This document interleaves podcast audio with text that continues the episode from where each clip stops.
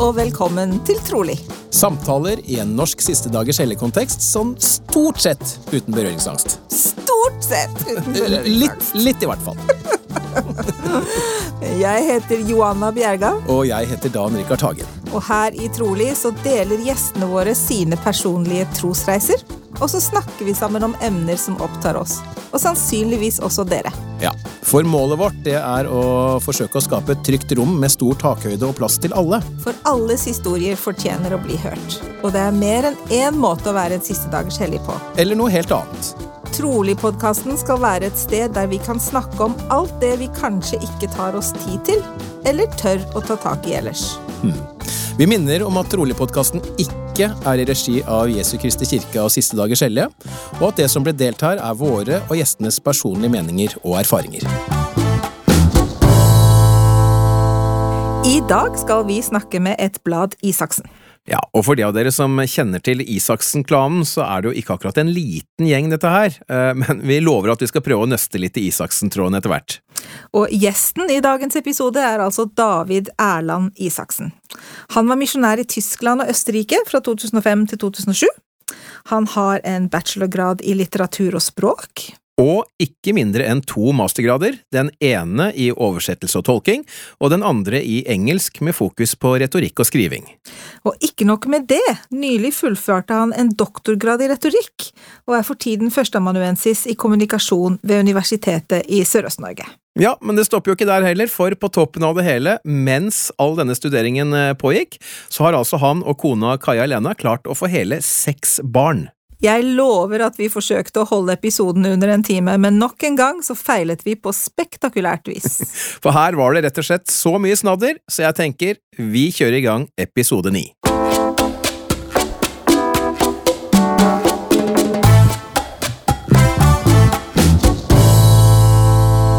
Hei, David! Kjempefint at du hadde tid til å være med oss i dag. Du er altså en Isaksen, og denne Isaksen-familien er ganske stor, og for meg i hvert fall litt uoversiktlig. Ja. Kan ikke du fortelle oss litt om hvor du passer inn i det slektstreet? Jo da, jeg skal gi dere hele familiehistorien. jeg. Nei, nei. Det, er, eh, Ja! det begynte sånn i forhold til kirken, da, så begynte det jo med eh, Adolf og Lydia. Det var eh, besteforeldrene mine. Eh, og de ble, ble vel eh, døpt i kirken eh, litt etter krigen, da. Så jeg tror på 50-tallet. Jeg er ikke helt sikker. Eh, og så fikk de da uh, fem barn. Ja, jeg husker riktig nå. Ja. To jenter først, og så uh, Karin og Ragnhild og Bernt og Rolf og Morten Minstemann. Ok, og de var Jeg skal av kar, altså han bestefar og bestemor, de var veldig jeg vil si veldig trofaste. De hadde jo også sine ting og utfordringer. For for henne så var det å slutte kaffe det var litt vanskelig. Eh, men eh, de var veldig eh, glad i kirken. Eh, likte veldig godt eh, spesielt det med familiebudskapet. eh, og var eh, eh, hjørnesteiner i eh, den unge Skien-gren, da. Eller eh, jeg vet ikke om det var Porsgrunn-gren først. Eh, og så hver av de barna, alle de fem barna, de gikk på misjon. Wow. Eh, så alle, alle fem. oi. Det er bra gjort. Eh, det var bra gjort, eh, spesielt med tanke på at det var en litt sånn, faktisk litt sånn fattig familie, i forhold til at bestefar hadde noen Han hadde epilepsi og litt, ganske litt sånn vanskeligheter, da. Eh, men de, de jobba hardt på det, og de klarte å få alle på misjon. Eh, og så ble de alle også etterpå gift i tempelet. Eh, og Karin hun dro til Amerika, så vi har en gren der, der ute også. Eh, og men alle de andre, da, de eh, ble i, Norge, eh, eller kom etter hvert tilbake til Norge, da. Og, og hvor mange søsken var dere igjen? Vi har fem gutter, ingen jenter. Fem gutter, og du er Er du eldst? Yngst? Midt i? Nei, jeg er nummer, jeg er nummer to. Du er nummer to, nest eldst. Så okay. Eh, stakkars mamma, hun hadde lyst på en jente hele tida, men prøvde hver gang. det funka ikke. Det skjedde ikke. Det skjedde ikke.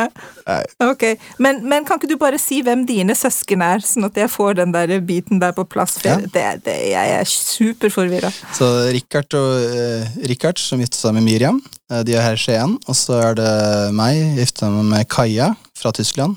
Og vi har eh, seks barn. Seks barn! Seks barn, ja. Du, nå må du oppdatere profilbildet ditt på Facebook, for der har dere Ja, ja, ja. én. Ja, nei, det. Men da må jeg også oppdatere at jeg har litt, uh, fått litt mer vekt siden forrige gang. Og det er derfor du ikke har gjort det, altså? ja, ja, nei, nei. nei, Det er litt sånn latskap jeg ikke har. Jeg, har, jeg syns det er så, så fint bilde, så. Så Ja, hvor så gamle er disse hun, barna? eldste, hun eldste blir ti år. Seks barn på ti år. Ja. Og ingen tvillinger inni der. Ingen tvillinger. Selv om eh, vi har eh, to som de, de opptrer som tvillinger. Så vi tenkte liksom at kanskje skulle, skulle de egentlig ha vært tvillinger, men så tenkte Gud at nei, det var kanskje litt for mye med en gang. Ja.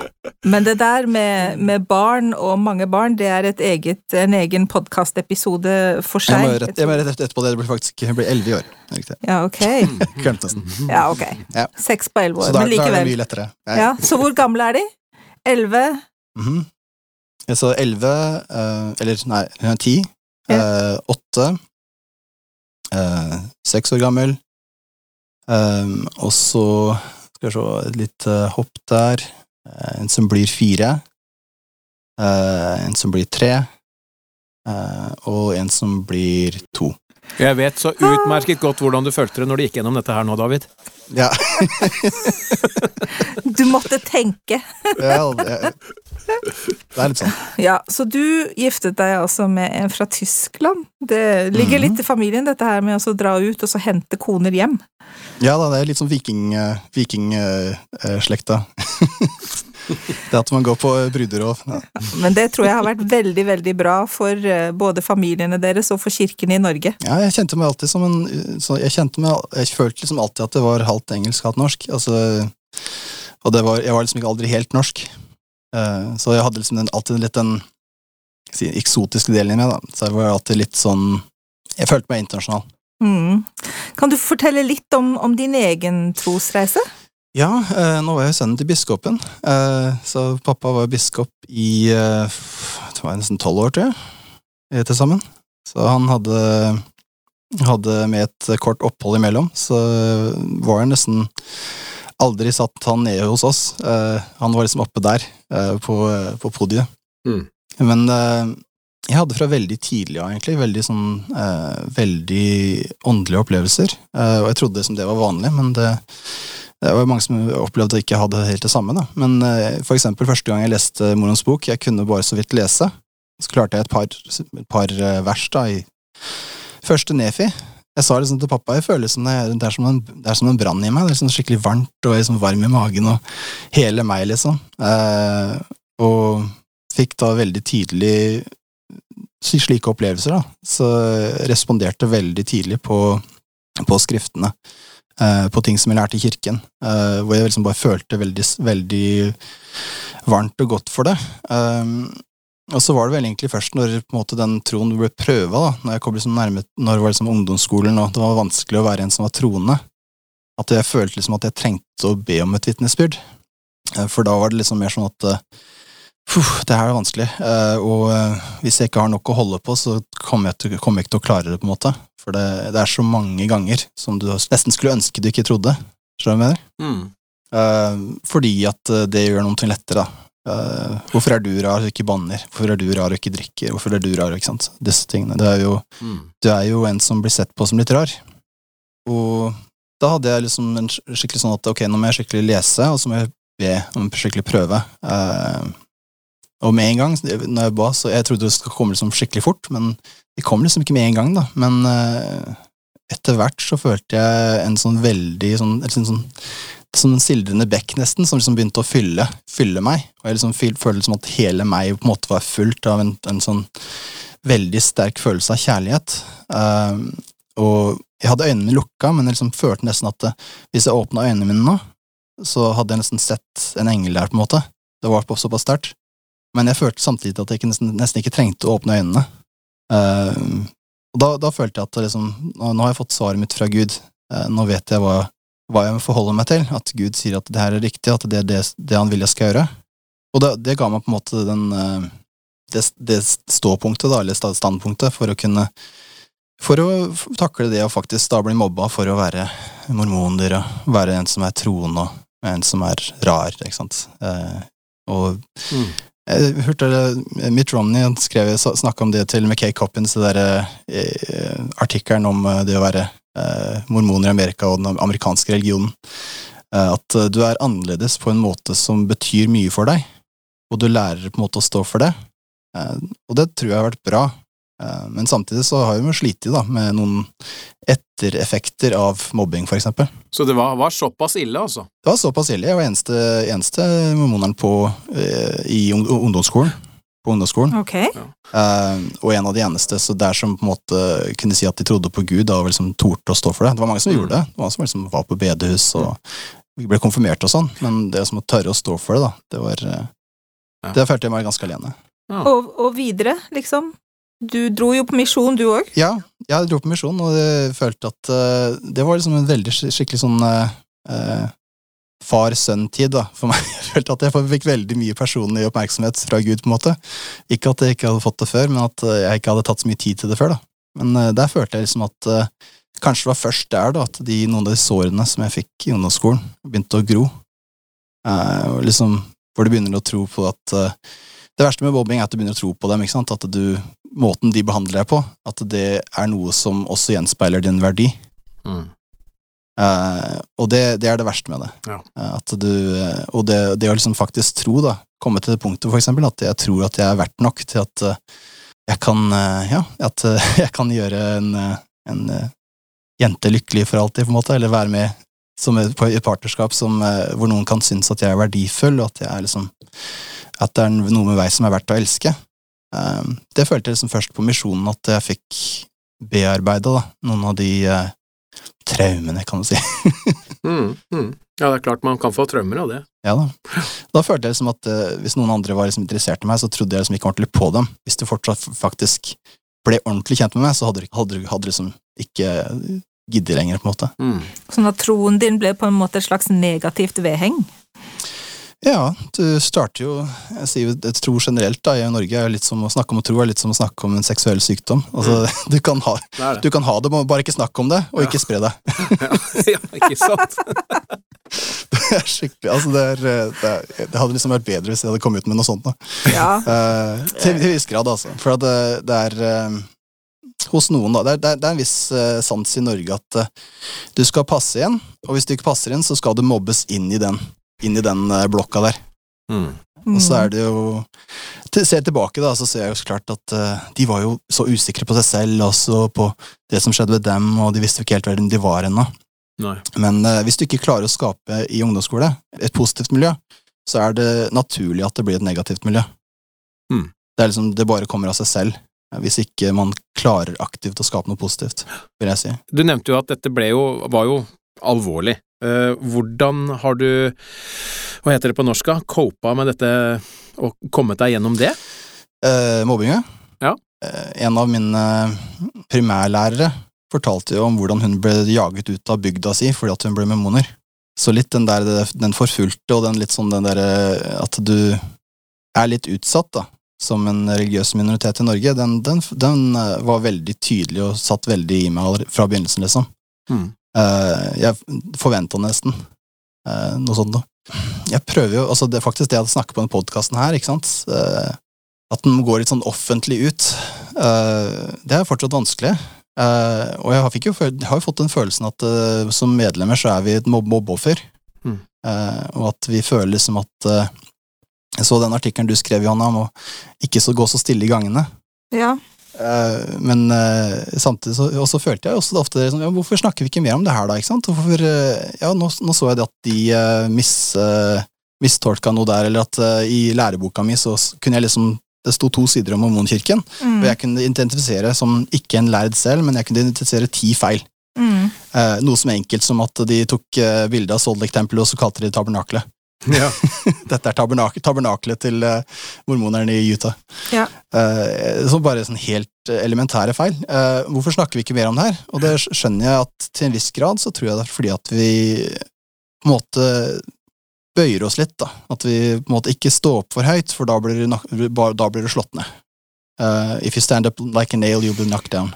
Ja, jeg har oftest sagt at jeg tror at, at mange av oss har liksom prøvd å bare gå under radaren. Ikke sant? Altså vi Ja. vi En ting er at vi prøver å passe inn, men en annen ting er at vi prøver å bare ikke stikke oss ut i det hele tatt. Ja, nei, bare, bare ikke, ikke være et eh, eh, ikke noen som man kan lett gå etter, da. Mm. Men samtidig så er jo til en viss grad da, utdanningen min og det, det, som, det som jeg ønsker å Det som jeg har prøvd å gjøre, er liksom å prøve å forstå hvordan man kan eh, hvordan man kan håndtere et uh, fiendtlig publikum, da. på en måte som får dem til å få komme litt på din side og forstå deg og uh, bygge relasjoner, da. Vi skal snakke litt om utdanning senere, men tror du at eh, det å ta en lang utdanning var på en måte din måte å, å på en måte bevise at du, at du hadde noe å fare med? At du ikke kunne avskrives så lett? Ja, men samtidig så var det liksom sånn at uh, jeg var alltid skoleflink. Uh, og det, det kunne man liksom aldri ta meg på. Uh, jeg var alltid en av de glupeste i klassen. Uh, og det var jo en, en, en, en, måte, en side av måte, selvsikkerheten min, da, at, liksom at det her kan jeg, uansett om hva de syns om meg. Mm. Så jeg vet ikke om jeg svarer helt på spørsmålet ditt, men at det liksom å ta en lang utdanning Jeg tenkte liksom at hva skal jeg gjøre som på en måte kan hjelpe litt her i verden, da? Og at jeg liksom hadde liksom ikke i meg det at jeg trodde, trodde, at det å være lege eller andre ting, at det var skapt for meg. At det som jeg var flink til, var liksom språk og litteratur og skape verdener og tenke på verdener og forbinde verdener, da. Mm. Uh, så det var veldig mye i det jeg elska å skrive. Uh, og da tenkte jeg at ok, men jeg finner et eller annet som er, handler om å skrive, men ikke bare være forfatter, på en måte, for da er du så utsatt og ikke har noe ordentlig inntekt. Ja. Og så ble jeg mer ambisiøs da når vi ble gift, det er ikke tvil om det. Ja. Uh, før, før, tenkte jeg at kanskje jeg kan være en forfatter som bare tjener litt på strøjobber og sånne saker, og jobber på min store roman. så kan jeg ta ved sida av det, så kan jeg jobbe på McDonald's eller noe sånt. Så uh, med en gang vi, jeg ble sammen med Kaja, så følte jeg med en gang at uh, jeg har lyst til å skape et liv da, for henne og for familien vår, for oss, som kan ha en viss inntektsgrunnlag som er sikkert. Mm. Uh, og da så tenkte jeg med en gang at okay, da må jeg gå litt lenger, for jeg hadde allerede bachelorgrad ferdig når, når jeg ble, ble sammen med henne. Ja, for det er jo sånn, David, at du har jo, du har jo en veldig lang utdanning. Du har vel egentlig utdanna deg hele livet. og når vi leser i skriftene, så står det jo der at eh, de lærde blir eh, ofte stolte og hører ikke på Herrens råd. Hvordan føler du at du stiller deg da? Ja, nei, det, det, det er jo det at Men det er godt å være lærd, da, man, hvis man stoler på Herren. Ja, det er helt sant. Og nå som du da har all den utdanningen som du har eh, lagt bak deg, er det, er det noe der som har gjort det mer utfordrende for deg å eh, tro? Hmm. Altså, en sak er det at eh, når du går inn i universiteter, så går du inn i et agnostisk uh, forum. Det vil jeg si. At uh, det er liksom Det er ikke nevnt at det er det du må gjøre, men det er liksom underforstått at uh, her snakker vi ikke om Gud, liksom. Mindre vi, kan snakke om menneskers oppfatninger mm. om. Gud, uh, og vi kan snakke om liksom, de rare folka der, men, men, her snakker vi ikke om Gud, og Gud kan ikke være noen årsaksforklaring for vitenskapelige fenomen osv. Mm. sånn saker? Det er bare latskap. Ja. Det som hjalp meg litt der, da, var at jeg hadde jo faktisk en retorikkprofessor, Richard Ines, som på, en måte, på et visst tidspunkt i livet sitt lurte på om han skulle gå inn i en, en slags universitetskarriere, eller om han skulle bli en slags læremunk. Så han var katolikk, eh, og en av absolutt de beste innenfor klassisk retorikk, eh, men også en veldig troende katolikk. Og det å vise liksom eksempelet som han viste meg, da, i forhold til hvordan man navigerer dette rommet, som er, eh, som er universitetet, eh, og eh, er akademia, det hjalp meg veldig. Det, det, ga meg liksom et eksempel da, som jeg kan følge, og som jeg kan uh, se hen til som Ja, det går jo faktisk. Det, det, er, selv om det betyr at det er visse ting du ikke kan beskrive, da, uh, som ikke passer inn i en vitenskapelig tekst eller akademisk tekst, som likevel er viktig for mm. deg. Det, det, er, det, er, bare sånn, på en måte sånn det er, da. Og så leser, leser, du tekster og alt mulig annet som har som grunnlag da, at ja, vi vet at Gud ikke fins, og Derfor må vi forstå disse tingene om mennesket. ikke sant? Men det som du lærer, da, er at det, er veldig mange forskjellige sånne grunnprinsipper som må liksom Ok, la oss leke den leken litt, da. Uh, man sier ofte the, the, the, doubting game og the believing game når man gir feedback på tekster som andre har skrevet, eksempel. Uh, men man sier si at liksom, man kan bevege seg inn og ut av disse rommene uten å være ikke være tro mot seg selv, da. Den leken der, den har jeg ikke hørt om før. Er det en lek du ville anbefale i forhold til tro også, eller ville det kunne falle litt uheldig ut? Jeg, jeg vil si det, det kan, kan være nyttig uh, å leke den litt angående uh, skriften, for eksempel. Da. Uh, så uh, en, altså, en ting er det at man ofte da på en måte leser mot teksten, eller leser teksten kritisk. Så lenge, men så lenge man på en måte ikke blir blind på det, og ikke kan se den på en annen måte også. Ja. Skjønner du hva jeg mener? Altså det, det, er, eh, det å liksom ta på seg forskjellige briller, det kan være nyttig for å på en måte få flere perspektiver og se forskjellige ting. da. Så når du har for eksempel en, en brille som er rød, rød farge, så ser du flere av de, Mm. de uh, nyansene der. Uh, og når du har andre briller, så ser du noe annet.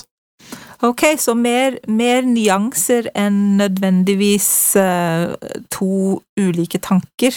Altså, jeg har liksom tenkt av og til det går an å ha to tanker i hodet på en gang. Ja. Um, og, og skille litt uh, typ tro og vitenskap, liksom. Det er to forskjellige rom. Men du sier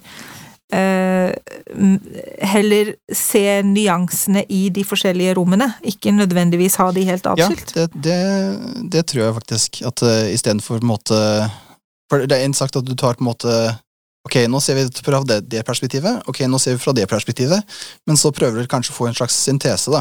Hva har vi lært av det her, på en måte? Uh, og hvor Mm. finner vi på en måte overlapp, og hvor finner vi ting som passer sammen?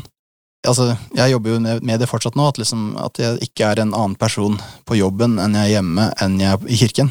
Uh, jeg, jeg sliter litt mer fortsatt, men, uh, men jeg tror det er mulig å lage en slags sånn syntese. Jeg har fått noen sånn eksempler da, på folk som gjør det på en god måte, som hjelper, Mhm. hjelper meg litt. Ja. Eh, Jeg vet at i 2018 så deltok du på et eh, sommerseminar om tro og vitenskap eh, ved Maxwell-instituttet på mm. BYU. Kan ikke du fortelle litt om hvordan det påvirket ditt inntrykk av forholdet mellom tro og Ja, vitenskap? det, og der, der snakker vi faktisk om noen av de eh, eksemplene, da, hvor det var ledet av Terrell Givens, som jeg syns er en av de beste teologene, da, hvis man skal se på en som på en måte klarer å oppsummere kirkens eh, trossystem på en måte som er forståelig for folk i den akademiske verden, men utenfor kirken. Så han har jo en, eh, bøker som er publisert av eh, Oxford University Press, og det er ganske høye standarder for det, høye krav til dem. Eh, men som snakker om det første synet om Johs Smith, og hva vi tror om Gud, og, og det på en måte, til hvilken grad vi tror på det og kan kunne bli som Gud, hva det betyr, og så videre. Og hva som er spekulasjon, og eh, hvordan kirken håndterer noen av disse tingene i forhold til teologi, åpenbaring, og så videre. Og jeg gikk jo der, og så var det slik at uh, man måtte søke til det, så jeg søkte til det, jeg fant, uh, fant ut om det. Uh, Jeg klarte jeg hadde møtt ham før på det sånn LDS Euroseminar, som er for unge akademikere i kirken, da. Eller i kirken i Europa. Og der var det folk, både de som var medlem av kirken, og andre som ikke var medlem av kirken, men som drev og studerte Mormon studies, da, som man kaller det. Om kirkens historie og eh, filosofi og eh, trossyn og så videre, sånne ting. Eh, og vi starta på en historisk tilnærming, da, så vi begynte å lese noen av de første eh, Times and Seasons, hva det det heter? Også de der eh, første kirkemagasinene som ble utgitt. Eh, de første eh, avisene som ble utgitt i kirken.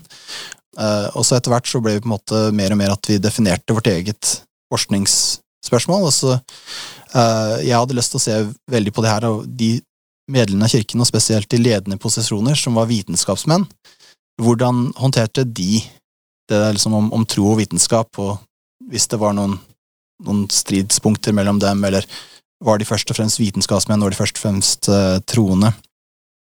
Uh, og studerte uh, blant annet Orson Pratt, John A. Witzøe, eller Witzøe fra Norge, uh, mm -hmm. James E. Talmage, Henry Eyring, som er faren til Henry B. Eyring. Eh, og det som jeg oppdaga der, da, var at det, at det er eh, en viss måte kjerne da, i evangeliet, som er grunnfesta, som er jo ganske på en sterkt festa, og så er det mye utenfor der, på rammene, som er veldig store rammer, faktisk, hvor det er en god del spekulasjon og debatt, til og med blant de tolv eh, og det første presidentskap. Så for eksempel at i forhold til deres forhold til tro og vitenskap, vi er veldig farga i Norge, for eksempel, av uh, Joseph Fielding Smith og Bruce R. McConkie og deres uh, tanker om vitenskap og tro. For, for alle som ikke nødvendigvis kjenner det, hva, hvordan vil du kort oppsummere de, for eksempel? Eller det synet? Veldig, veldig konservative. Uh, til en viss grad uh, sånn, veldig sånn uh, literalistiske, i på en måte, altså bokstavtro, da, i forhold til uh, tolke alt bokstavelig i, i skriften. Og eh, litt sånn veldig sånn vitenskapsskeptiske, da. Eh, skeptisk til evolusjon, eh, eller direkte fornektende til evolusjonsteorien. eh, til eh, tanker om at eh, tidlige menneskearter eh, før på en måte eh, Ja, før vår tidsregning. Jordens skapelse, sånne ting. Mens uh, Jonah Witzo og Talmadge Talmage de snakker liksom om ja, vi har åpenbaringene som er i bøkene, og så har vi åpenbaringene som Gud har gitt oss i steinene. Og snakker om fossiler blant annet, og andre sånne ting. Og at alt dette, dette her, alt dette her er ting som Gud forteller oss. Altså all, all sannhet kommer fra Gud. Eh, og det at vi skal, på en måte, vi skal snu ryggen vår til sannhet som kommer fra Gud, bare fordi at den ikke er uh, i skriftene, for eksempel. Altså det, Talmage snakker jo om dette, den personlige opplevelsen av på en måte ærefrykt og eh, respekt da, som man på en måte får av å studere fra hans studier. Han var første doktorgraden fra Utah, tror jeg. Men eh, denne ærefrykten som man får av å studere skaperverket, eh, inklus, inklusive fossiler, eh, inklusive alt, alle disse tingene, det står i veldig sterkt kontrast til eh, Joseph Fielding Smith og Bruce R. McConkie. Og det første presidentskapet på den tiden, de, var, de hadde ikke noe spesiell eh, ønske om å fremme Bruce R. McConkie sitt Ja. syn. Eh, han ønska å fremme det selv. han var veldig påståelig. Eh, men han ble jo fortalt at han måtte endre mange ting i Mormon Doctrine, eh, som han skrev. Han ble aldri spurt om å skrive den, han skrev det på egen hånd. Det første presidentskapet ba om å endre ting, han endra det ikke. Så det er liksom en politisk, til, en viss grad, da, politisk Mm. debatt her. Og så har man på en Altså eller annen ikke, måte Altså ikke teologisk, men politisk. Ja, politisk, til en viss grad. Altså utenfor det som er rammen av det måte, som er kjernen i evangeliet. Mm.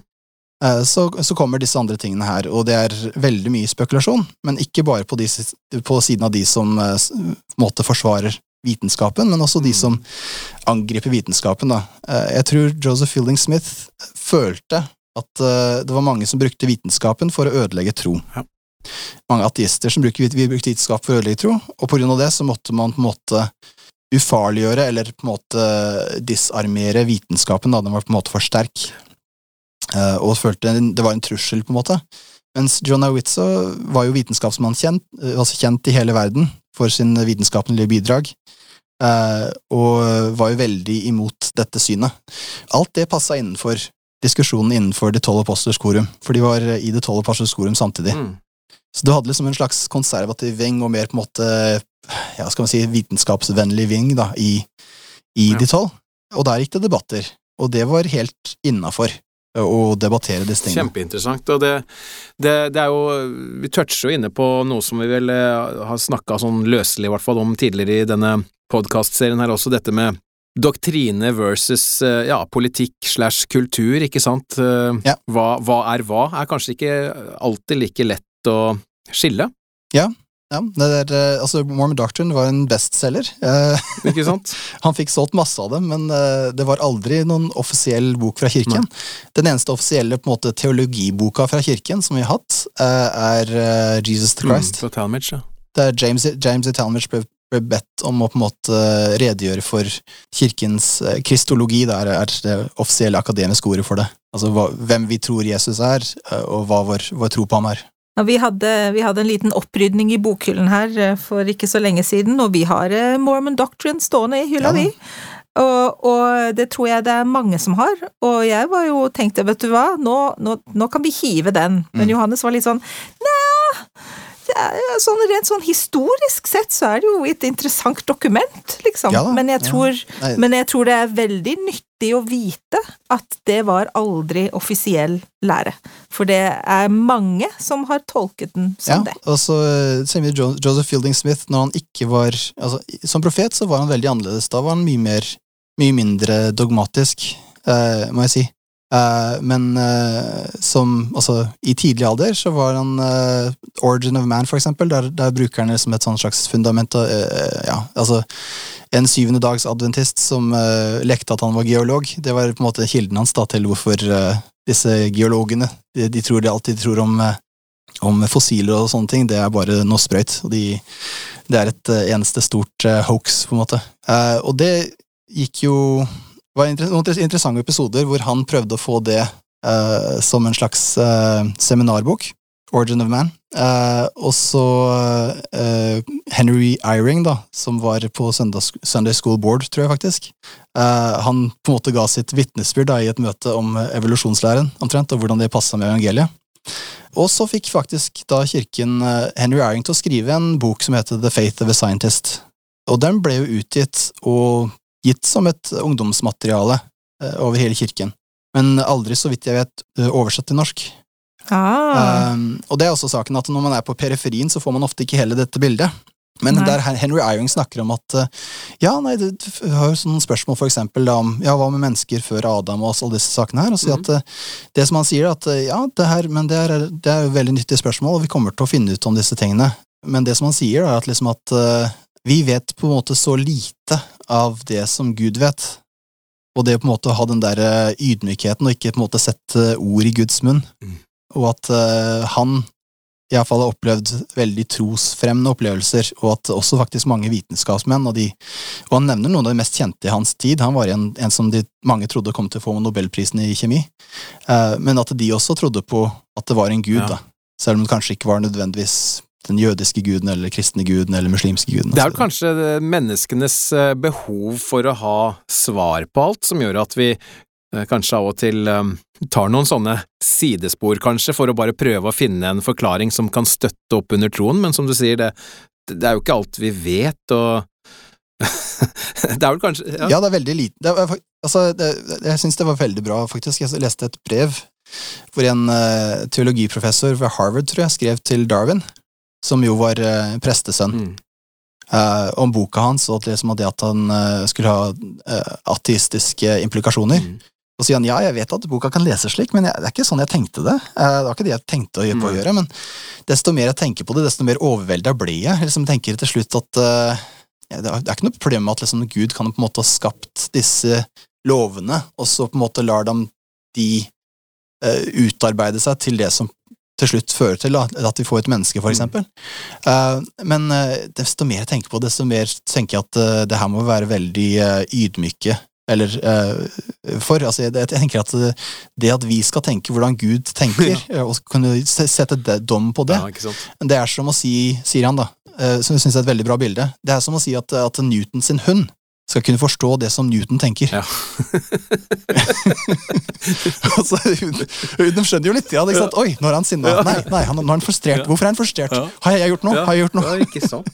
Ja, det er kjempeinteressant. vi, vi, er, vi, er så, vi er så langt fra da, Mm. det som Gud eh, Og at eh, vi, vi skal være mer, som sagt, da, epistemisk ydmyke i forhold til hva vi vet, i forhold til hva Gud vet. Mm. Eh, Og dermed så er det kanskje ikke behov for oss alltid heller. Kanskje vi føler det sånn noen ganger, for at vi, vi havner jo fort litt i en sånn hva skal man kalle det? At vi trenger å forsvare troen vår, og da må vi ha alle svarene, ikke sant? Og da, men det, det som du sier, det er kanskje ikke så lurt å være så himla bastant på ting. For igjen, jo, enkelte ting kan vi være veldig bastante på. Eh, At eh, Gud er vår himmelske Fader, Jesus Kristus osv. Det som faktisk er kjernen i evangeliet.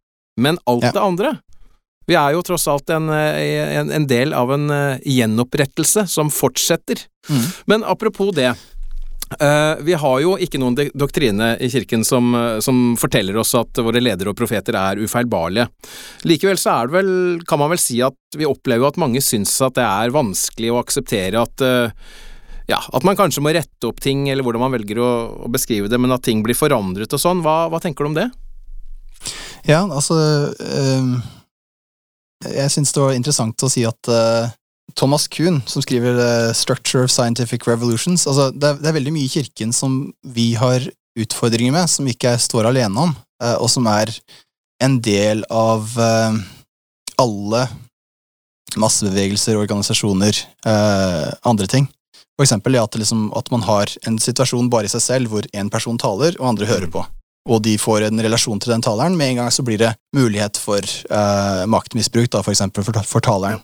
Eh, på en måte retorisk kan man si at det er der i konteksten uh, at disse personene, som alle, mange hører på én, den personen får en viss makt over de andre. Mm. ikke sant? Altså det, det er alltid en mulighet Mm. for.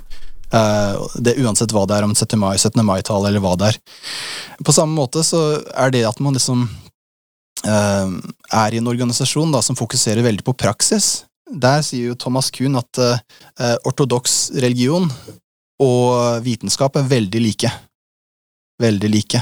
Uh, hvor han sier at uh, med vitenskapen, i hvert fall slik de ble utdanna på 50- og 60-tallet, og fortsatt en god del, så er det slik at fokuset er på at de får dem ut i feltet med en gang. på en måte, Få dem til å bli vitenskapsmenn som kan gjøre vitenskap med en gang. Ikke sant? Og Derfor så har de på en måte et, eh, et visst studium, og det skal være fokusert på praksis, og så skal man gå ut der og gjøre vitenskap. Uh, å være gode vitenskapsmenn. Ikke sant? Mm. Uh, men så lærer de på grunn av det da ikke vitenskapshistorie. Lærer de liksom ikke at uh, ja, nei, hva gravitasjon er, det har jo forandra seg hele tida. Uh, fordi at vi har prøvd å forstå bedre og bedre da, hva det er for noe. Det betyr ikke at de første måte tok helt feil. Det var liksom en god tilnærming. Og det funka til en viss grad, men så kom man til et punkt hvor det ikke funka lenger. Og så kom man nærmere og nærmere det som Håper man, da, kanskje man kommer lenger bort også, men nærmere det med det som gravitasjon faktisk er. Mm. Ikke sant? Men de som ble oppdratt i den newtonske uh, verdensbildet, de kan ikke tenke seg gravitasjon som noe som kan bøyes. Ikke sant? Altså, det, det, er helt fremmed. Det er et helt annet begrep. Uh, men dersom de hadde lært før at ja, men det her var det vi trodde var før, og så trodde vi dette, og så trodde vi dette, mm. i en prosess der vi prøver å komme nærmere og nærmere til det som er idealet Hvis man lærte det tydeligere, så ville man ikke hatt, sier uh, Thomas Kuhn, da, sier disse, disse krisene. Mm. For da er liksom, uh, I de krisene så begynner liksom folk å tvile. og så Fins det noe som heter vitenskap i det hele tatt? Dette nye som folk prøver å lage nå, er det vitenskap? Kan man kalle det vitenskap? Det er en skikkelig sånn krise da, hvor, hvor uh, noen uh, vitenskapsmenn utbryter Hvis dette er vitenskap, så kan jeg ikke være vitenskapsmann lenger. uh, og går liksom mot alt det som man trodde før. Da, ikke sant? Så man, man, får liksom ikke noe bilde av endring over tid uh, tilnærming til et ideal. Uh, og det samme litt i kirken, da, når man har seminar, så blir det veldig fokus på hva vi skal lære av det for praksis i dag. Hvordan man kan være en god uh, kristen, en god siste dags hellige. Mm. Ikke sant? Og det, det, er forståelig at man har det fokuset. Det er helt forståelig. Altså, så da for eksempel, da, når et uh, sitat altså Brigham Young var en profet med mange gode læresetninger. Han var også en polygamist, ja. ikke sant? Og da hadde man en tale hvor man skulle i disse, læresetningene fra profetene, disse håndbøkene, hvor man skulle ta et sitat fra ham hvor han sier at ja, når du våkner opp om morgenen, før du spiser eller noe annet, samle dine koner og dine barn, og, og, og, si en bønn sammen. Ja, ikke sant? Først, først, må du få det åndelige næringen, og så kan du få den fysiske ja, næringen. på en måte. Uh, flott prinsipp. Og så, tenkte, og så, var det noen som tenkte at ok, men skal vi ha inn det her at uh, koner og barn, eller skal vi si at uh, samle din kone og dine ja. barn? Og vi tok da og satte på en måte at han sa at du skulle samle din kone og dine ja. barn. Det er, det er, bra pedagogikk. Det er dårlig historie. Ja, det er jo det. Ja, ikke sant. Ikke sant? Til viss grad da, så prøver man, når man fokuserer på pedagogikken, så prøver man å få disse litt sånn brutale møtene med historisk eh, diskontinuitet, eller, eller des, historiske tekster, prøver å på en måte flate dem ut litt. Og det, det gjør man også i andre andre kurs, når jeg underviser om retorikk, for eksempel, så prøver jeg å forklare litt om hvorfor er de så rare, disse grekerne. Ja, nei, de var litt, det var dette som var sånn og sånn, og så prøver jeg kanskje å, å fokusere på hva de kan lære av det, istedenfor denne, dette sjokket som de møter, hvor Å ja, var det sånn det var, ja? på den tiden. Også, for da fokuserer man så mye på sjokket, og så man ikke, liksom, får man liksom ikke leksjonen ut av det. Uh, men, men på lang sikt da, så fører det til at man uh, at man eh, får disse krisene da, når man opplever at oi, ting var annerledes før. Er ikke evangeliet alltid det samme, fra tid til evig tid, på en måte? Altså, til en viss grad jo, men også nei. Så hva, hva er løsningen? Hva er, eh, ser, du noen, ser du noen måter vi kan unngå det på? For det er vel kanskje det vi er veldig opptatt av alle sammen, er liksom at, at vi ser, kanskje spesielt blant blant den yngre generasjonen, at, det, at, de, at de går gjennom en troskrise fordi de ikke innehar eller ikke har blitt lært opp i jeg, kritisk tenkning og historisk kontekst og, og ja, jeg, jeg, tror det går litt i sånne der bølgedaler, ja. Altså, det, det, har jo vært altså, Jeg husker Stein Pedersen Han snakker jo om det at eh, Ja, nei, det var eh, det at eh, som gjorde han Matsson i Sverige, Hans Madsson, eh, at han ble disillusjonert da med kirken. Det var at han oppdaga at uh, Emma Smith var ikke så glad for polygami. Hun var imot det, hun, hun likte det ikke, eh, selv om på en måte til en viss grad aksepterte det til en viss grad. Ikke sant? Det, var, det var et eh, stormfullt forhold der i forhold til uh, hennes forhold til polygami. Mm. Og det syns han var på en måte et forråd, da, for det var så imot det som han på en måte hadde lært. Mm. Mens Stein Pedersen sa nei, men det, fortalt, det snakka jo mammaen min om hele tida. Ja. altså det, at det, at det, det fikk jeg jo med meg fra, fra primær, liksom.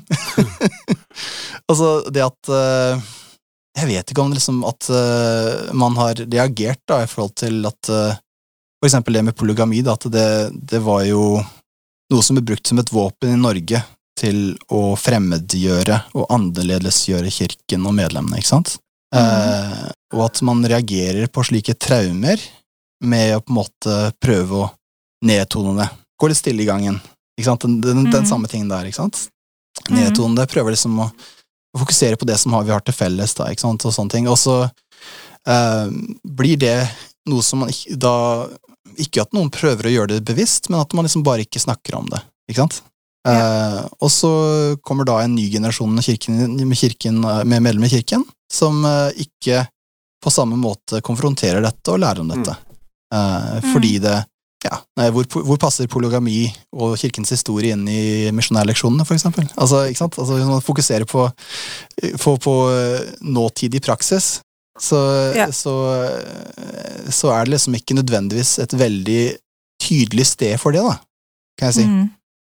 Så, så desto større behov for en podkast som denne, hvor vi faktisk kan snakke om de tingene som, Ja, som vi kanskje har unngått å snakke litt Ja. om, som, sånn, at, sånn at de som kommer etter oss på en måte ikke får sjokk Ja. når de, når de mø møter Og så vil jeg si også at eh, jeg syns noen ting er på riktig spor. Det vil jeg si. Altså, Gospel Topics Essays, jeg syns det er på riktig spor. Jeg syns det er uh, Saints, uh, hvor man liksom får dagbokutdrag fra de som eh, var der på den tiden. Fra de som eh, eh, opplevde for første gang eh, eh, polygami, for eksempel. For de som opplevde forfølgelsene i Missouri. for de som var bitre på, profeten Josef Smith noen ganger. for de som eh, Disse egne opplevelsene der. uh, det gjør det virkelig, og det liksom sier wow. eh, det var faktisk et tidspunkt hvor USA tenkte å liksom Ja, nå skal disse mormonerne reise fra Nauvoo, hvor de har blitt drevet ut, men nå må vi sende ut hæren for å stoppe dem fra å dra til, til Rocky Mountains, liksom. Fordi at det var såpass fiendtlig stemning mot kirken. Det var et mobbvelde på et helt annen måte, det unge demokratiet i USA. Det var ikke et trygt sted å være. Um, og det var en helt annen virkelighet som de måtte forholde seg til, og en helt annen verden som de vokste opp i. Um, og det, det, det å gjøre det virkelig på den måten der, det, det syns jeg er veldig viktig. Uh, og hjelper veldig for meg, i hvert fall. Å ikke føle den diskontinuiteten. Uh, for det, er også det vitenskapsbøkene gjør, når de liksom får lærer opp vitenskapsmenn, at de gjør Aristoteles om til en, uh, en professor med hvit frakk på Blindern. de, de, de får liksom eh, Og de, de hvitvasker eh, den eh, kristne troen da, til eh, å eh, Faktisk den personlige åpenbaringen, eh, som Coupler, tror jeg var det snakk om, Coupler, hvor han følte liksom at det her var noe som faktisk ble åpenbart til ham fra Gud først, og som han deretter fant i, i sin vitenskapelige forskning. Det er ikke med. Det får ikke de bøkene. Men hvis du leser, leser ham selv, så får du det i bøkene. For det, det, det er liksom det han innleder alt sammen med. Så mer åpenhet, mer informasjon, mer Mer til historie. kildene. Og så syns jeg ikke sant, der, der er der som eh, teologer og historikere har en rolle. Altså, Det er jo litt farlig, eller vanskelig at liksom, historie er din eh, teologi samtidig, men forskning endrer seg hele tida. Men samtidig så burde vi jo være ekspertene på vår egen historie. Eh, vi burde jo ønske å lære om det her, og studere det og kunne eh, forstå disse menneskene som gikk før oss, både det, både det gode og det vonde.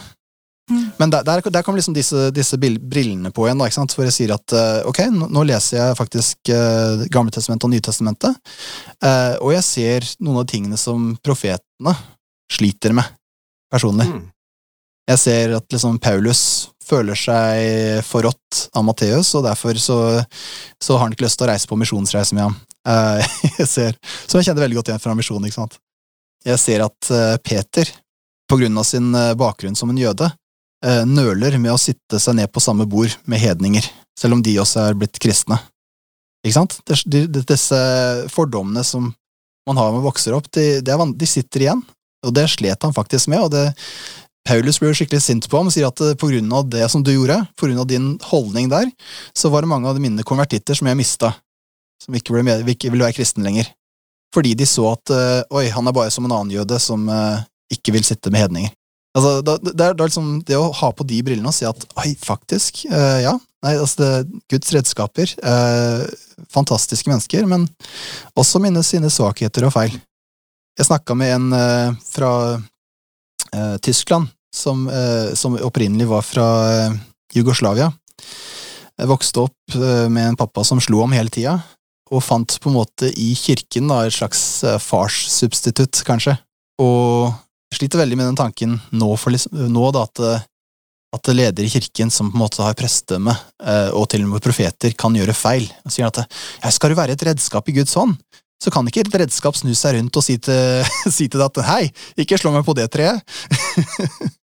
så han, han, tenker liksom på det, den vet at nei, men skal du være et redskap i Guds hånd, så kan du ikke ha handlefrihet.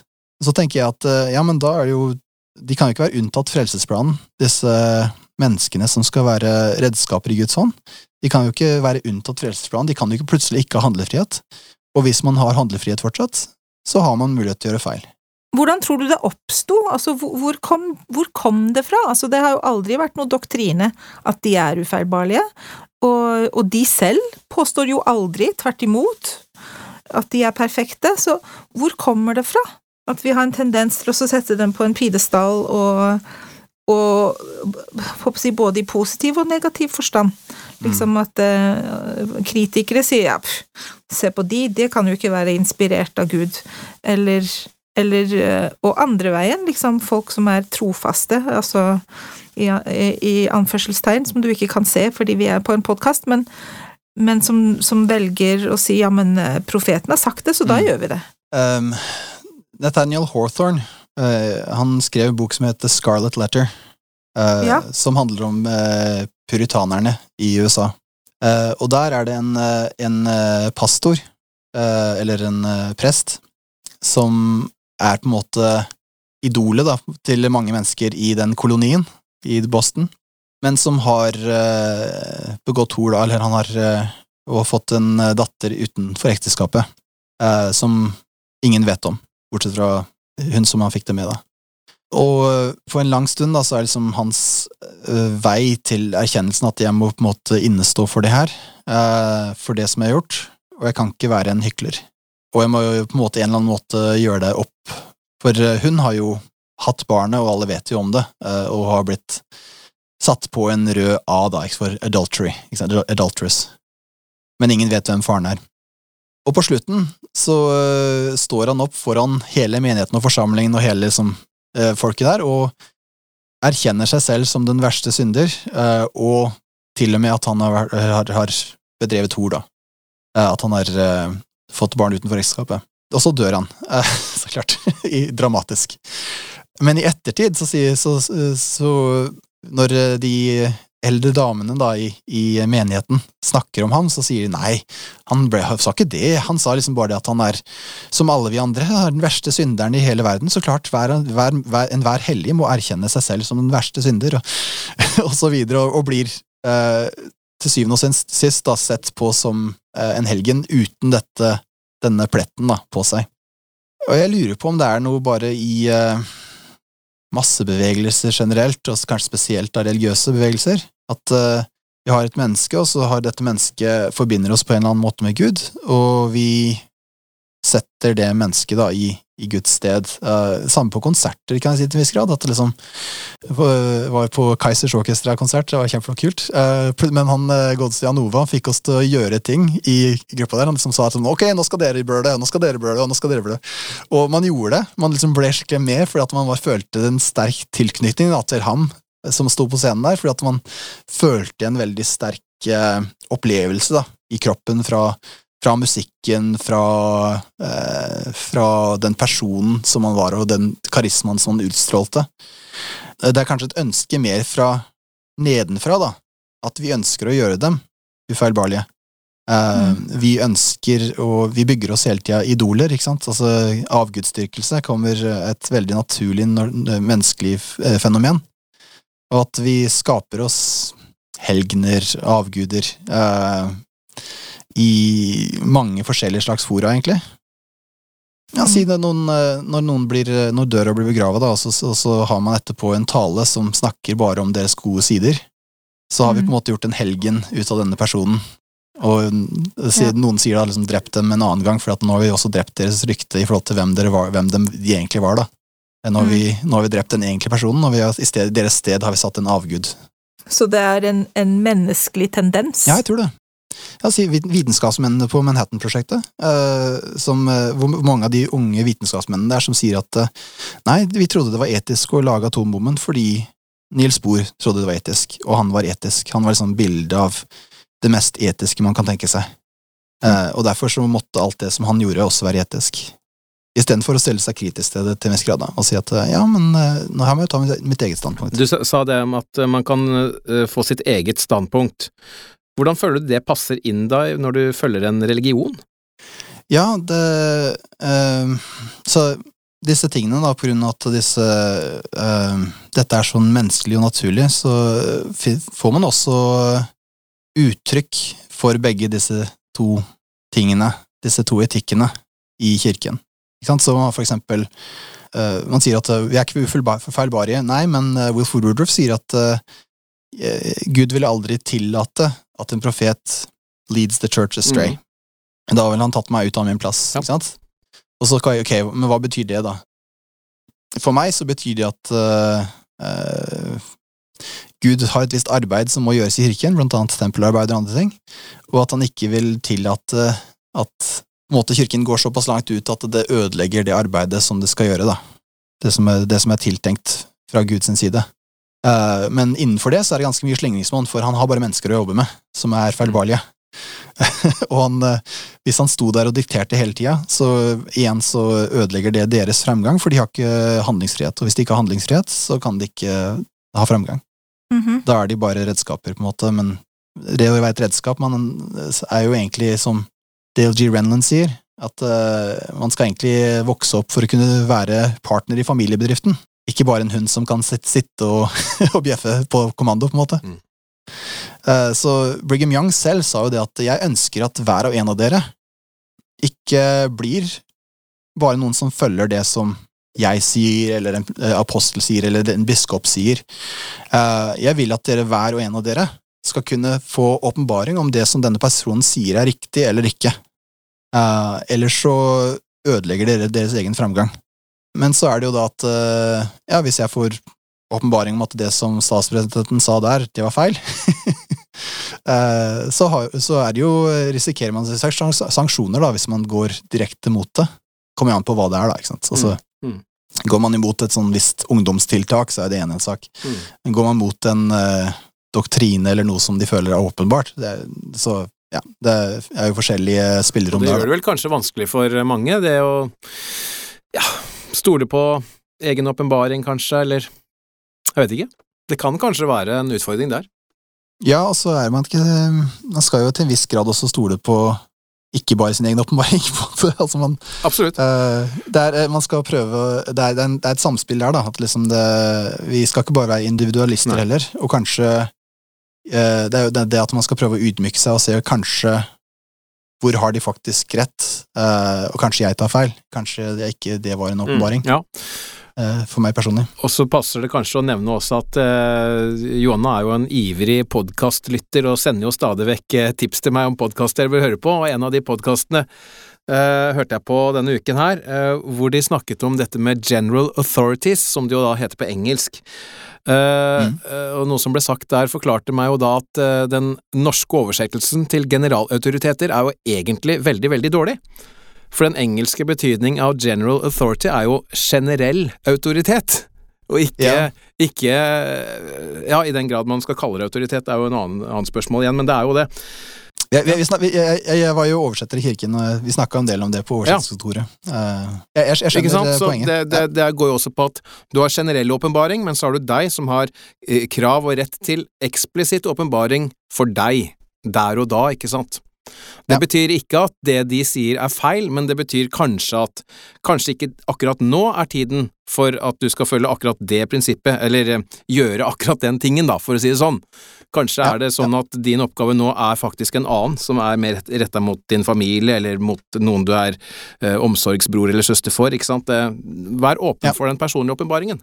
Ja, og det er eh, Jeg vil kanskje si sånn at det, det, det å måtte bli voksen i sitt forhold til troen Jeg har hørt noen snakke om det. At eh, det, når du vokser opp, så Når du er barn, så er eh, foreldrene dine Gud, på en måte. Kan man si. Til en viss grad. At, ikke sant? De, de vet alt, og de kan alt. Ikke sant? Når du er tenåring, så vet Og når du er tenåring, så vet de ingenting. Ikke sant? Og der, der har du troskrisen, ikke sant? sånn. Eh, der gjør liksom alt feil. Alt feil. Eh, og det å kunne liksom bli voksen da, i, forhold, i sitt forhold til Oi, nei, du vet hva, det var faktisk ganske bra. Nå ser jeg litt av det så det er samme sjøl. Uff, eh, jeg trengte trodde jeg skulle være så mye bedre pappa enn pappa, men pappa gjorde faktisk ganske mye bra. Altså, det, så mye bedre mamma enn mamma, men oi, åssen klarte de å gjøre det såpass bra? Eh, men eh, du kommer liksom aldri helt tilbake til den barn, barnlige troen, da, eh, vil jeg si. Du, du får et nytt forhold til det. Jeg ser på Russell Nelson og de andre profetene og eh, generalautoritetene, og får personlig åpenbaring basert på ting de sier. Men samtidig så ser jeg dem som ikke bare på en måte Guds talerør, men eh, mennesker også, som kan gjøre feil. Og det er ting som de kan si som kan gjøre meg, gjøre meg litt sint, da, eller eh, ikke sint, da, men Mm. som kan gjøre meg litt Eller ha sånn en følelse, ja. ja, altså, det var en, den ene talen altså, spesifikt. eh, Jeg har hatt en opplevelse av å være utbrent, både jeg og kona mi. Eh, og det var en tale om, som snakka om at eh, ja, nei, vi gikk inn i disse, dette området her, og så spurte vi hvor mange medlemmer er det som går til kirken regelmessig, som leser Skriften hver dag, som betaler tiende, som gjør alle tingene, og som sliter. Nei, ingen. Nei. altså, det, det, det, det var visst ingen som sleit da når de gjorde alle disse tingene. Men så tenkte jeg da at vet du hvor mye som trenger å fungere i det hele tatt for å kunne få stable alle i bilen, komme seg i kirken, få dem alle klærne på, i midten av når man føler seg utbrent. Du har ikke sovet hele natta fordi at et av barna var oppe og skreik. Det var, altså, yep. ikke sant? Altså disse, der, hvor, hvor det spørsmålet er ok, men er det det som har ført til dette, eller sliter de, sliter de fordi at de ikke kommer i kirken, eller, eller sliter de, og er det derfor de ikke Ja, kan komme i kirken? Ja. Hvis dere mener, at det, det, jeg skjønner prinsippet, og jeg kan være helt enig i, eh, i at eh, ja, det, disse tingene hjelper. Men samtidig å si at ingen sliter dersom du gjør disse tingene, eller at eh, det, du bare trenger å gjøre disse tingene og bare pushe mer på å få dem i kirken. Uh, mens det ene beinet henger ut og dingler fra en kjøttslump, liksom. Som føler seg sånn. Det, Ja, da lurer jeg jo litt på hvilken virkelighet de, de lever i. altså, ikke sant. Så det, den, eh, og så klart, man kan jo ikke dekke alt i en tale, men eh, jeg har fått mye mer, mer øynene åpne da, for eh, det er ting fysisk og psykisk som påvirker deg, som du ikke alltid har kontroll over, uansett hvor mye tro du, har- tro du har. Mm. Eh, og det ville jeg ikke sagt for eksempel på misjonen, da. Der opplevde jeg liksom fysisk å bli helbreda ved å faktisk gjøre arbeidet når jeg var syk. Eh, og det var helt utrolig. Men eh, så har jeg også opplevd at det ikke blir det. ja, nå, nevnte du at eh, både du og kona har eh, følt dere utbrent. Altså, dere har jo vært gjennom en relativt intens fase og periode. Ja, Som har gått over mange år med tunge studier og mange små barn. Og, og dere har jo flyttet litt på dere òg, for dere var jo i England en ja stund. Ja, før faktisk først ble vi gift, så var vi i England. Jobba begge på MTC. Eh, mens jeg studerte på University of Central Lancashire. Og så var vi ved BYU, og så var jeg i Texas. Og så i, flytta vi til Norge, var vi først hos foreldrene mine i Siljan, så i Bø, og så nå i Ulefoss. Uh, og det har vært uh, litt vanskelig for den eldste jenta vår spesielt, da, eller for noen barna våre, at som, de kommer til et sted, og så blir, må de flytte til et annet sted. Ja. Mhm. Når, eh, når Dan og jeg eh, leste det, så tenkte vi at det er jo ikke noe rart, eh, det er ikke noe rart de er utbrent. ja, og så kan kan si sånn i ettertid, da, ikke sant, kan si at det var vært mange varselstegn og så videre, sånn, men eh, Og at så klart det måtte være slik. Eh, men jeg ser ikke det nødvendigvis at det måtte skje på den måten. Og at det, det var faktisk slik at det var Kona mi, hadde, Kaja, hadde utrolig lette svangerskap. Ble nesten ikke syk i det hele tatt. Jeg kunne liksom ta studier i løpet av ett Jeg, jeg tok mastergraden sin i løpet av det andre barnet vårt. eh, Var svanger med det andre barnet vårt. ikke sant? Så vi har liksom klart veldig mye. Eh, Jeg tok bachelorgraden min på to år istedenfor tre her i Norge.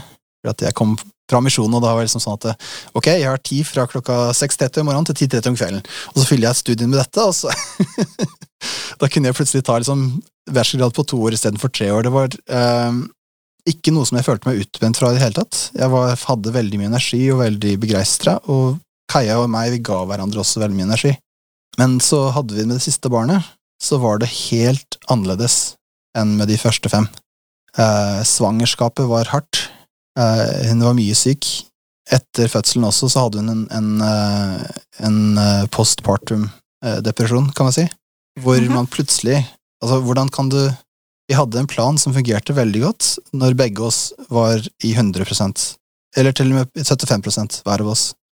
Men hvordan kan du planlegge for en hverdag hvor plutselig en av dere er 25 Mm, eller eh, begge er ned på 50? mm, Ikke sant? Det er, det er som å si at eh, ja, du har to bein, og så da kan du gjøre dette, og så mister du ett av beina, så kan du gjøre halvparten. Så- så kan, hvor mye kan du gjøre når du, har, når du bare har ett bein igjen, liksom? Uh, mm, Det er ikke det samme som bare halvparten av det med to bein, det er en helt annen virkelighet. Det var et slag som kom uventa, til en viss grad. Og jeg har jo eh, en kusine som hadde det samme med sitt uh, tredje barn, tror jeg, eller et fjerde barn. Så det er ikke nødvendigvis det med at det var seks barn heller. Det var noe som uh, Ja, no, noe fysiologisk da, som skjer i kvinnekropper. uh, som man ikke Mm. alltid kan forstå. Noen har dette med det første barnet, har, eller andre ting mm. hvor ting har gått veldig bra, og så plutselig så går det ikke. Mange kunne liksom sagt det, altså ok, vi tok for eksempel valget da, at når hun var gravid med vårt første barn, så skulle vi likevel begge studere på BYU.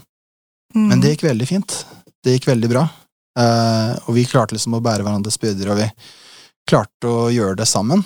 Og så sa vi liksom ok, greit, da får vi kanskje ikke alltid toppkarakterene, eller da går kanskje ikke alltid alt Kan vi liksom ikke gi alt til studiet, men det var faktisk en god balanse, for da hadde vi liksom alltid slik at eh, vi hadde andre ting som vi også måtte passe på, en annen virkelighet enn bare å miste oss i studiene. Mm. Klart, kritikere i oss kan ikke si at ja, men hvorfor gjorde dere sånn da, det kunne jo vente at det skulle skje. Men for Mm. meg, så, for oss, så var det noe som kom litt som lyn av klar, klar himmel. uh, Mm. Og noe som rammet oss, på en måte. Gikk det lang tid før dere skjønte hva som var eh, Hva som holdt på å skje, eller eller, eh, eller var det noen andre som måtte komme utenifra og si eh, 'hallo, dere to, nå må dere stop and smell the roses'? Eller åssen utartet det seg, på en måte? Ja, det, vi er ikke helt ute av det ennå, for å si det sånn. Så det, det er vanskelig å Altså, man, vi merka liksom bare det at uh, ting ikke fungerte lenger, at vi måtte kutte ned på nesten alt, og til og med da så funker det nesten ikke. Det var jo noen, eh, noen kriser, da. Jeg sier for eksempel at man opplevde Kaja opplevde, jeg opplevde det, at eh, man får noen varselstegn, da, ikke sant, at man uh, Barna har gått inn, og så sitter man i bilen, og så føler du liksom at du ikke har lyst til å gå inn i huset, uh, og ikke egentlig har lyst til å gjøre noen ting. At det liksom ikke er noe vits i ting, Mm. Ingenting er vits i. Ingenting er morsomt. Ingenting, er, ingenting gir glede. Mm. Litt den der, da. Eh, noen ganger direkte at man liksom nesten har et sånn psykisk sammenbrudd, at nå funker ingenting. Så det, altså, tegnene var der liksom med en gang det på en måte det slaget kom, da. Eh, og så har det vært mer Mm. det for meg at jeg har vært følt eh, kanskje en slags stress da, som jeg hadde med doktoravhandlinga, som jeg måtte holde på vent hele tida, fordi at eh, jeg måtte bli ferdig. Og så etterpå så er det naturlig da at du føler en kraftanstrengelse er over, og så bare føler at du må ta en pause. Mm. Du blir helt tom. Du er helt tom. Jeg tror det er, det er veldig veldig mange som kjenner seg igjen i det. Jeg har jo ikke en doktorgradavhandling å skilte med i det hele tatt, men jeg opplevde også da jeg leverte bachelorgraden min og var ferdig, liksom, så tenkte jeg at åh, endelig ferdig, nå kan jeg liksom Nå skal jeg gjøre alt mulig kjekt. Men så var jeg helt utlada, rett og slett. Ja. Ja, og helt et, og Rett og slett en slags sånn kroppslig reaksjon, liksom, på at øh, liksom at nå, nå, kunne man slappe av, og da ble, man, da ble man syk, rett og slett.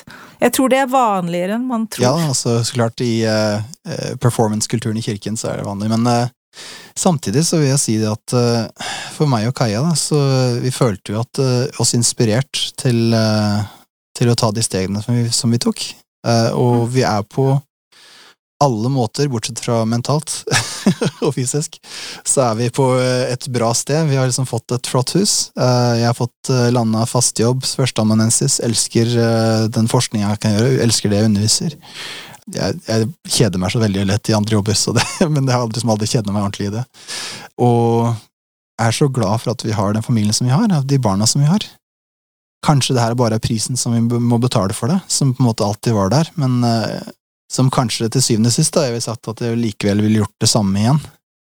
Hva har du lært, føler du? Uh, er, det, er, det, er det det som er lærdommen, liksom? At ok, vi måtte på en måte gjennom det for å sette pris på det, eller? Det som, det, det som kanskje har lært er mest, er det at uh, hva det er som hjelper når folk er i en sånn situasjon, mm -hmm. uh, og hva det er som ikke hjelper. hva er det som hjelper? Ja, at, uh, altså, ser, ser, man Jobbs bok, da, så han nettopp har, han har vært i en krise av alle kriser, ikke sant? Mista absolutt alt. Mm. Det har ikke vært i noe mm. sånt noe lignende. men de er gode venner, de vennene hans, så lenge de sitter stille og bare på en måte lider med ham. Mm. Med medlidenhet, medlidenhet, og det gjør de i syv dager. Og så skal de på liv og død begynne å forklare hvorfor det her er Guds straff, eller hvorfor han må ha gjort noe gærent, for at eh, ellers så, ellers så er det ikke sånn, og han må bare ha mer tro og et eller annet sånt. da. Eh, kommer med noen peptalks som bare er nedbrytende.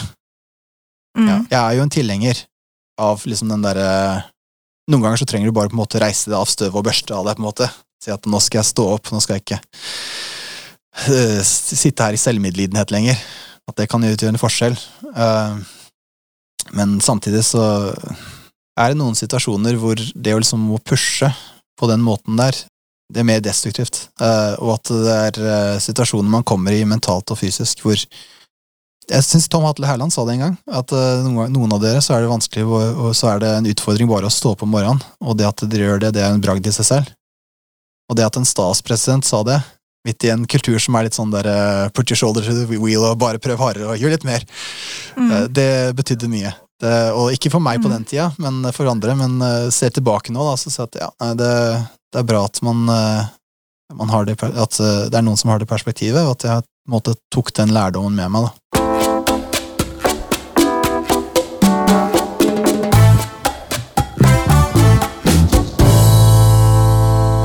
Vi har, som du kanskje vet, David, noen faste poster som vi alltid har med helt på tampen av episoden, og nå har vi kommet dit, og da er eh, det to spørsmål som vi gjerne vil ha ditt personlige svar på. Det første er hva synes du er det vanskeligste med å være medlem av kirken? Um, det er det med at uh, i alt som du foretar deg, så du, starter du i det norske samfunnet med en uh, sum negativ troverdighet. Så det er egentlig ikke det å være medlem av kirken, men det å være medlem av kirken i et eh, lett ateistisk, kan man si, eller i hvert fall eh, kanskje noen ganger litt sånn sneversynt samfunn, da. Mm. Eh, det, det, er kanskje det vanskeligste, at jeg opplevde jo som barn at vi hadde en veldig flott grunnskole, men det kom en ny gutt der inn, og så prøvde jeg å være venn med ham, og så når han gikk av bussen etter at vi hadde snakka sammen, så, så ropte han ut 'jævla mormoner'. Antakelig fordi han hadde hørt av foreldrene sine eller et eller annet sånt. Uh, det sitter i. Og det, det, er vanskelig å tenke også når det som at skulle jeg heller bodd i Utah, hvor det var lettere for barna mine å ikke, være, ikke skille seg så ut. Uh, det å være liksom et, et mobbeoffer, da, i sosialt, uh, sosialt i nasjonal sammenheng, det, det er tøft fortsatt. Hvis du kunne forandre én ting, hva ville det vært? Akkurat nå kanskje litt den derre den uh, politiske uh, tilbøyeligheten en har til å tro at uh, kirken equals det republikanske partiet, for eksempel, i USA, eller en viss slags politikk. Man, man har et tradisjon, og man har ting som på en måte har gått sammen en stund og vært allierte, og så etter hvert så begynner man å forbinde dem. da, slik at uh, Jeg har truffet mange i Utah for eksempel, som er republikaner først og kirkemedlem etterpå. for eksempel. At den derre uh, stilltiende aksepten at uh, Men er du kirke, et godt kirkemedlem, så er du på høyresida. Uh, så er du republikaner, eller så er du sånne ting. Da. At, den skulle jeg ønske endra seg Eh, jeg tror det er en del av det er i endring, men jeg skulle ønske det endra seg fort, for det, er, eh, det, fører til at man eh, blir forbundet da, med the religious right i USA, for eksempel, eller andre ting, da, som også en del kirkemiljøer i Norge, andre kirkemiljøer i Norge har med seg. Det tror jeg er veldig skadelig, det, fordi at det er mye tankegods der som ikke er forenlig, syns jeg, da, med evangeliet. Men man eh, har liksom denne tankegangen at uh, i politikken så må man skaffe seg allierte, selv om det ikke passer så veldig godt da med noen ting. Amen til det. Og hva er det aller beste, sånn helt på tampen, med å være medlem av kirken? Jeg syns det som det at uh, det introduserer meg til en verden, et verdensbilde, der det aldri er alt håp er ute. Det er liksom Du, du har mulighet, eh, alltid, omtrent. Det er liksom aldri noen som er helt tapt, og hvor det alltid er håp og hvor det edle og det sanne og det gode blir fostret og får meg til å føle til å være et ønske å være bedre menneske, eh, får meg til å ja, gjøre meg glad og gjør meg, får meg til å ønske å gjøre gode ting. Eh, det som er riktig. Eh, og at jeg føler at det er en gud der, da. At, og at jeg har kontakt med ham. Og det forandrer liksom alt. David, det har vært eh, superinteressant å ha deg med. Vi har fått uh, belyst Og jeg er jammen nærmest blitt akademiker i vi òg etter dette her, Johanna. en, en, bra ting med å være lærd, på en måte, er at det, det, er bare så mange fantastiske ting man klarer å se med det. Det, det syns jeg, jeg, er kult. Det utvider horisonten. Ja. Uansett, tusen takk for at du tok deg tid en travel hverdag til å slå av en liten stund sammen med oss, og lykke til videre. Takk skal du ha.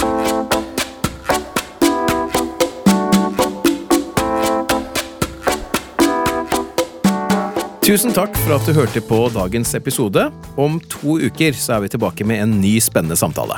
Men allerede om én uke kommer en ny utgave av nyhetsbrevet vårt, Mer enn trolig, som du kan abonnere på via Facebook-siden vår. Glem heller ikke at du kan følge oss på både Instagram og Twitter, og at vi gjerne tar imot forslag til f.eks. For gjester og emner på e-post. Da kan du skrive til troligpodkast, med K altså, troligpodkast at gmail.com. Og hvis du liker det du hører, så blir vi ekstra glad for skriftlige vurderinger, særlig i Apple Podcast-appen. For slike vurderinger gjør nemlig at flere kan oppdage Trolig-podkasten. Da høres vi igjen om to uker.